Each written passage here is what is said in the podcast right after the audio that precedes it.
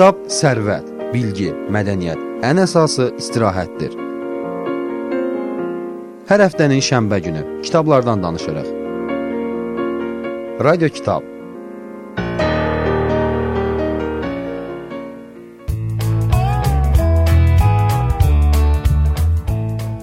Gənclik bitib tükənməz qüvvət, aydın yol, uğurların başlanğıcıdır. İndi gənclərdən danışırıq. Youth Time.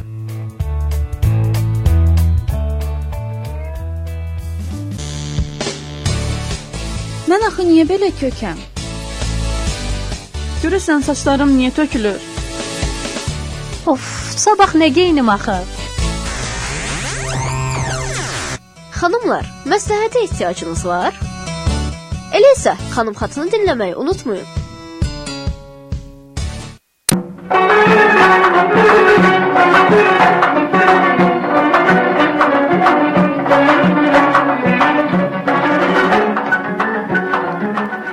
Vaxtınız xeyir əziz SRFM dinləyiciləri. Cümə günü saat 12:00 göstərir və ahəng verilişi efirdədir. Mikrofon arxasında isə sizinlə mənəm, Əsli Axundova. Bəli, bu gün də öz səsi ilə milyonların yaddaşında iz qoyan sənətçi haqqında söhbət açacağıq. Ürəyimdə səni gördü görəndə Ürəyimdə zərqən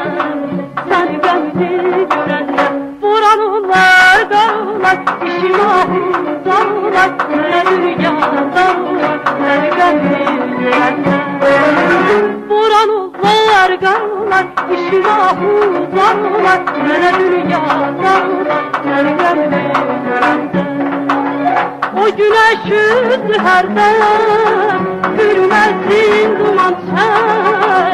Mənə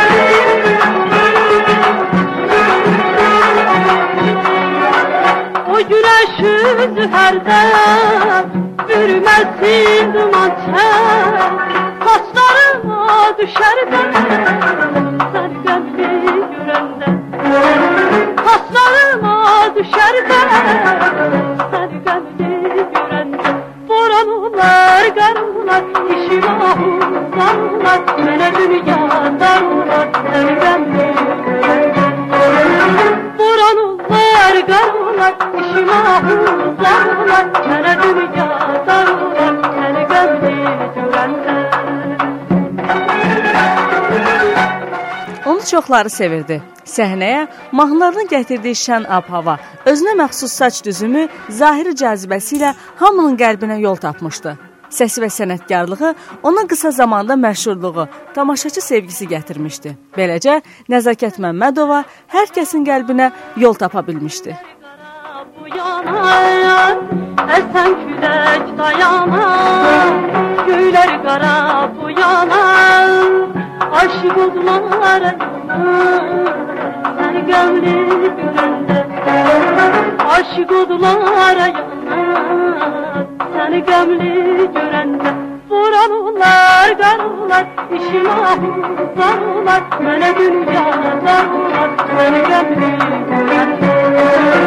görəndə Vuranlar, qarlar, işim ahuzarlar Mənə dünya darlar, səni qəmli görəndə O güneş yüzü herden Sürmesin duman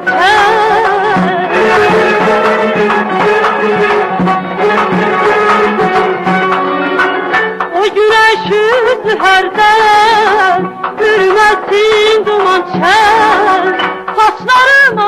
düşerden Sarı gövde görenden Saçlarıma düşerden Sarı gövde görenden Buralılar garlar işini akıllarlar Sana dünya darlar Sarı gövde görenden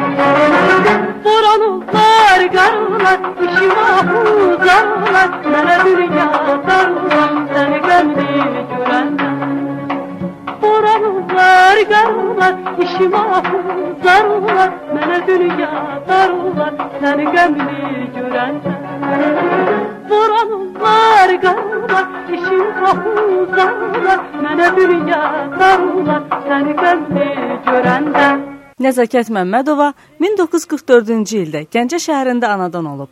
Uşaq yaşlarında atasını itirib. Valideynləri onu müəllim görmək istəyirdilər.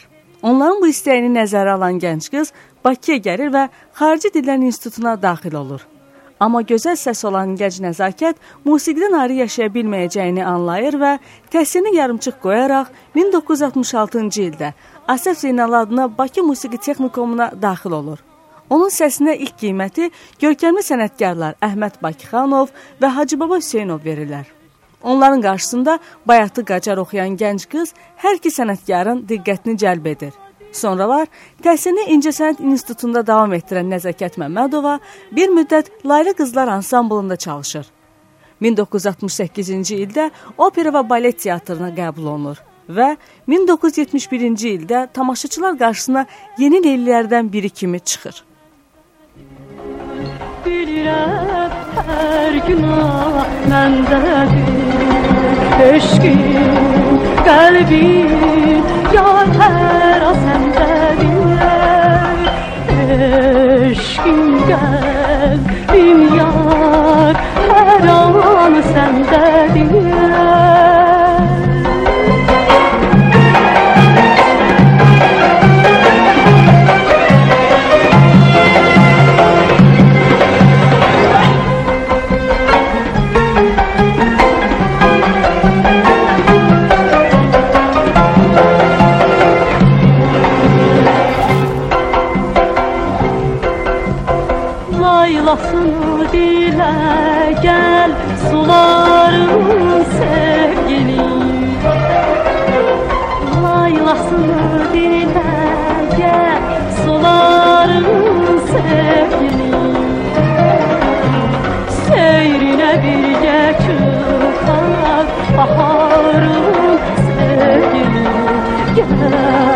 Gel yar kadar aman olmayan Sen, sen eş, eş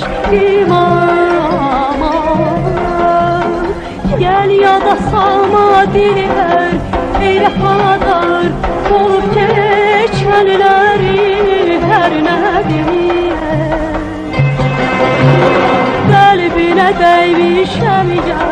Bağışla yar, bağışla hər günah məndədir Bağışla hər günah məndədir Eşqim, qəlbim, yar hər an səndədir Nəzakət Məmmədova opera müğənnisi kimi də istedadını nümayiş etdirir. Sürəyyə Qacar, Həqiqət Rzayeva, Gülxar Həsənova kimi sənətkarlardan sənətkarlardan sonra Nəzakət Məmmədova da Leyli obrazları arasında yeni bir səhifə açır. O, Rast, Qatar, Şahnaz, Seygah və digər muğamların mahnı və təsniflərin ifaçısı kimi tanınır, sevilir. Həmçinin Türkiyə, İran, Əfqanistan, Almaniya, Belçika, İtaliya və sair ölkələrdə qastrol səfərlərində olur. Azərbaycan musiqi sənətinin incəliklərini gözəl və mənalı səsi ilə əcnəbilərə də sevdirə bilir. Səsində həyatsevərlik, nəğmələrində şuxluq, şıltaqlıq olan Nəzakət Məmmədovanı dinləyiciləri daha çox Yaxın gəl, Gəl inad etmə böylə, Azərbaycan gölləri, Azərbaycanım mənim, Alagöz, Kəklik kimi mahnılara bəxş etdiyi təkrarsız ifası Azərbaycan musiqi tarixində ən uğurlu duetlərindən biri kimi qiymətləndirən Teymur Mustafayevlə oxuduğu Ay qız mahnısı ilə xatırlayır və sevirlər. Bəli, əziz dinləyicilər, e, indi isə elə Ay qız ifasını dinləyək və yenidən söhbətimizə qaldığımız yerdən davam edərik.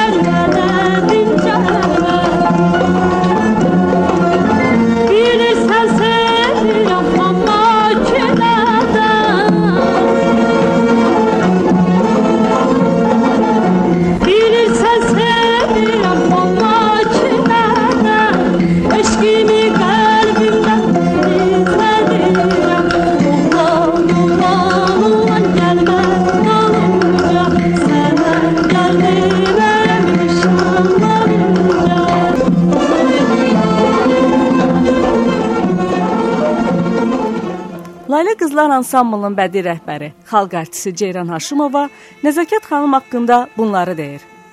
Sənət məktəbini Lalə Qızlar ansamblında başlayan Nəzakət Gəncədə sadə, sakit, ürkək təbiətli bir gənc idi. Ürəyində əl çatmaz al, ə, ürəyində əl çatmaz arzuları qaynayırdı. Uşaq yaşlarından elə hey zümzümələr edər, səsi ilə evdəkilərin, qonum-qonşuların könlünü oxşayarmış. İlk dinləyiciləri olan bu yaxın insanlar da ona böyük müğənni olacağını deyirmişlər. Onun səsini ilk dəfə Asif Zeynallı adına musiqi texnikumunda keçirilən konsertdə dinlədim. Səsini bəyəndim və istəsən bizim ansambla üzv olarsan dedim. Bu sözlərim nəzakəti çox sevindirdi. Boynumu qucaqlayaraq sizin ansamblda oxuyaram Ceyran müəllimə. Bu mənim çoxdankı arzum idi dedi.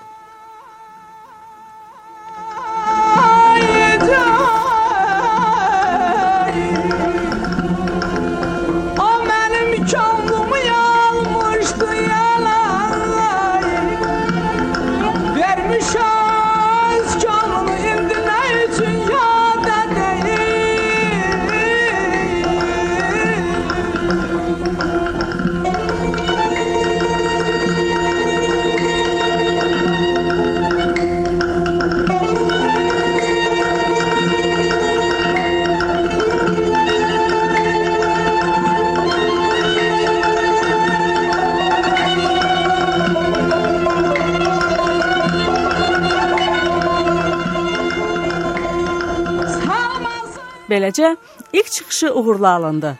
1967-ci ilin sentyabrında sadə məktəbli geyimi və pioner qalstukunda səhnəyə çıxan Nəzakət Məmmədova sonrakı böyük səhnə uğurları və tamaşaçı alqışının cığına qədəm qoydu. Nəzakət Məmmədova birinci arzusuna çatdıqdan az sonra şəxsi həyatında da səadət tapır. Çoxdan bəri sevdiyi Qüdrət adlı bir gənclə ailə həyatı qurur. 1968-ci ildə cütlüyün bir oğlanları doğulur. Nəzakət xanımın arzusu ilə onun adını Ceyran xanım qoyur. Yeni doğulan körpəyə Ceyhun adını verirlər. Lakin gənc ailənin saadəti uzun sürmür. Çox sevdiyi həyat yoldaşı ilə yolları ayrılır. İncə sənət, artan şöhrət və bəlkə də dəyişən duyğular bu ailənin də sonunu gətirir. Amma uğursuz ailə həyatının iskili onun qəlbində yuva salmış ifalarına çökmüşdü. O oxuyanda səsinin kədərini duymamaq mümkün değildi. Bəlkə də Leyli obrazını buna görə o qədər dərindən anlayır və hiss edirdi. Gel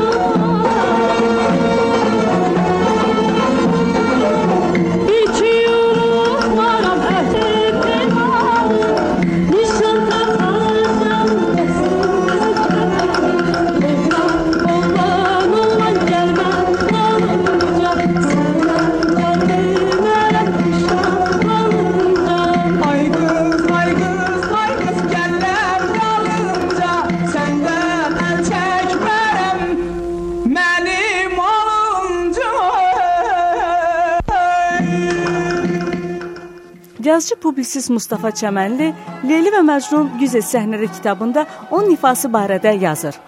Nəzakət Məmmədova bir müğənni kimi tamaşaçıların sənət adamlarının diqqətini çox tez özünə cəlb edə bilmişdi. Onu birinci arayı baxdıran teatra gəlməzdən öncə Leyli roluna hazırlaşdıran Bəhram Mənsurov olmuşdu. O 1968-ci ildə opera və balet teatrına gələndə Leyli roluna demək olar ki, tam hazır idi.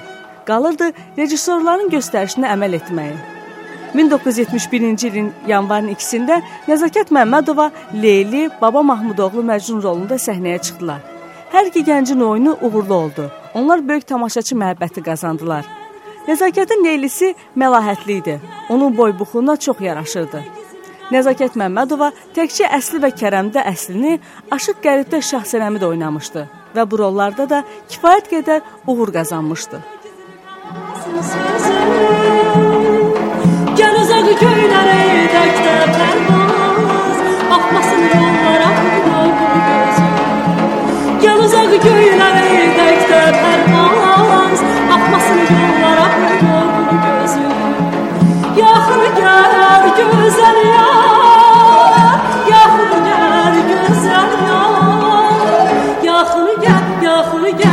Güzel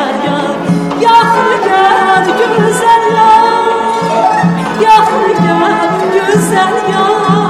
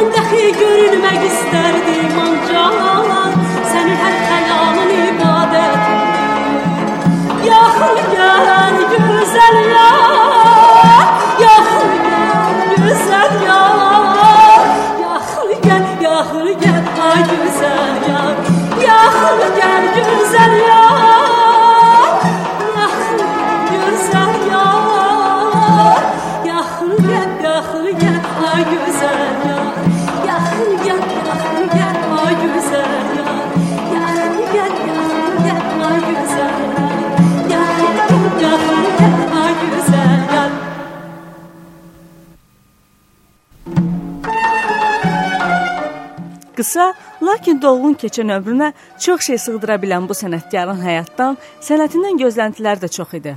Arzuları, planları daha böyük uğurları hədəfə almışdı. Amma bunlarla kifayətlənməyərək artıq özündə kompleksə çevirdiyi görkəmi, daha doğrusu boynundakı qırışları ilə barışmırdı. Ona görə də hər zaman çıxışlar edərkən boğazını ya yaylıq, murcuq kimi aksesuarlarla örtər, ya da boğazı örtülü geyimlər geyinərdi. Əslində bu mirvari qırışlar xanıma qeyri-adilik, özünə məxsusluq verirdi. Elə yaxınları, sənət dostları da ona təskinlik verərkən bu məqama diqqət çəkirmişlər. Üstüne kurbanı oldum o ala gözler Yine kılıncını çekti üstüme Kurbanı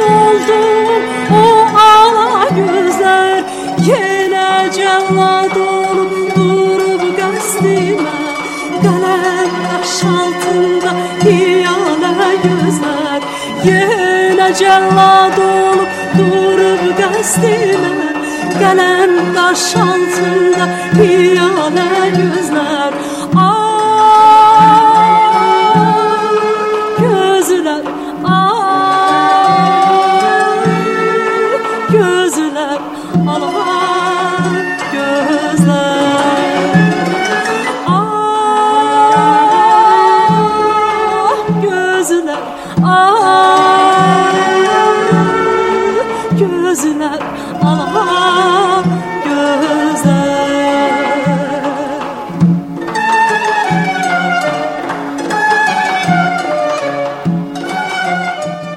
Bir gün o pərəstişkarlarının birindən məktub alır. Məktubda deyilirdi: Əziz Nəzakət xanım, mən sizi böyük məhəbbətlə sevirəm. Nəğmələrinizin aşiqiyəm. Siz hər oxuyanda istər radioda olsun, istər televiziyada mənim bayramım olur. Həmin gün ailəmizdə hər kəs sizi görməklə bəxtiyar olur. Deməliyəm ki, bir qadın kimi olduqca gözəlsiniz. Bu gözəlliyiniz mahnılarınıza daha da rəng qatır. Siz oxuyanda diqqətlə ekrana elə baxıram ki, bütün cizgilər, cizgilərinizi əvvəldən bilirəm. Məni bağışlayın, amma bir qüsurunuzu da görmüşəm. Elə bil boğazınızda qəribə qırışlar var. Təbiət sizə boy, buxun, gözəllik, məlahətli səs verir. Kaş bu qüsurunuz da olmayaydı. Məktubumu və sözlərimi səmimi qəbul edin. Mən sizi layiq olduğunuz kimi daha gözəl görmək istəyirəm. Amma nə eləmək olar? Çox təəssüf ki, təbiətin qüsurunu düzəldəcək bir şey yoxdur. Kəş ki, xilqətin əli qeybdən bu xətləri də düzəldə biləydi. Amma mən sizi belə də sevirəm. Bu sadəcə arzudan başqa bir şey deyil. Mən sizə böyük yaradıcılıq uğurları və can sağlığı arzu edirəm. Dərin sevgi və hörmətlə. Ah gözler Ah gözler Ah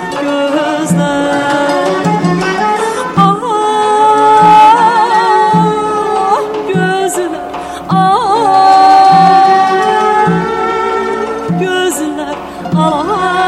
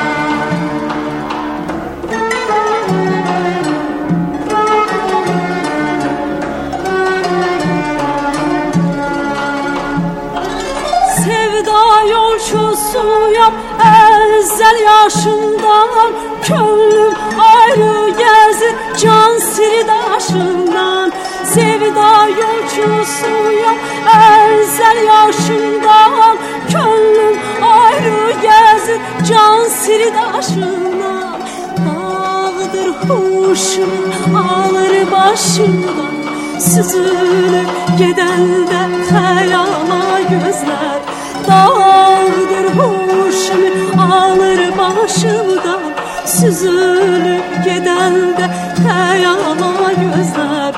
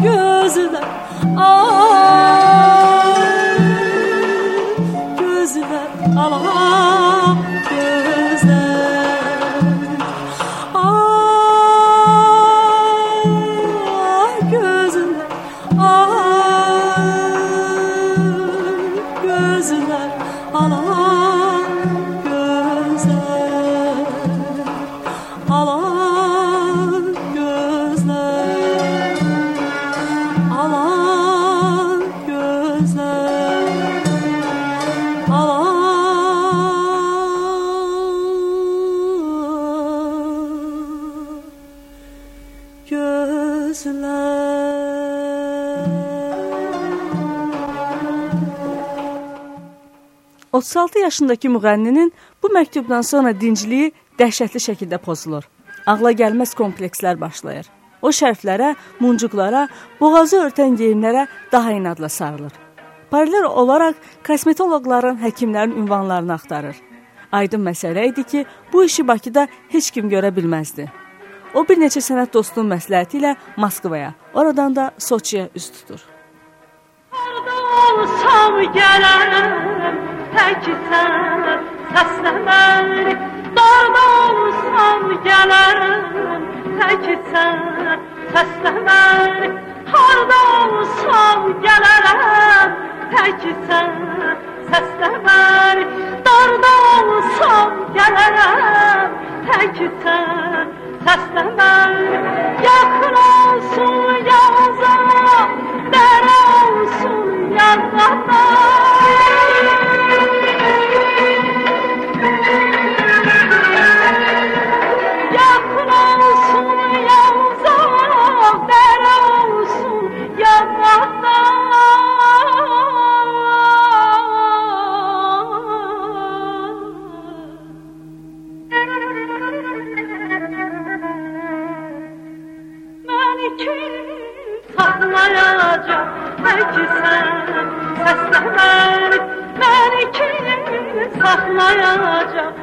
Bəlkə sən səsləməni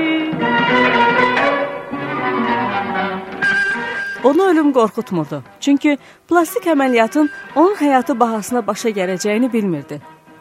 Daha çox görəsən nə deyərlər sualı ətrafında düşünürdü. Bununla bağlı yaxınları ilə məsləhətləşir və təbii ki, ciddi etirazlarla qarşılaşırdı. Amma dediyindən də dönmürdü. Hindistan səfəri öncəsi 1980-ci ildə Soçiyə gedir. Soraqlayıb həkimi tapır.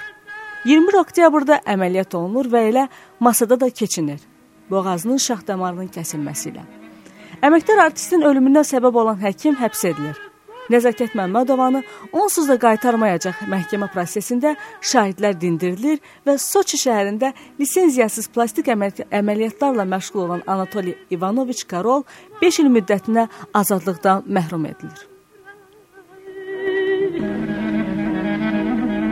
Sevmirdi o səni Yalan ay. Sevmirdi o səni Ya sevirdi. Sən sevməyəni Bəli, əziz dinləyicilər, bizə ayrılan 30 dəqiqənin də sonuna gəlib çatdıq. Bu həftə sizlərlə Nəzakət Məmmədovanın həyat və yaradıcılığından söhbət açdıq. Növbəti efirlərdə eşidilmək ümidi ilə Xudahafiz.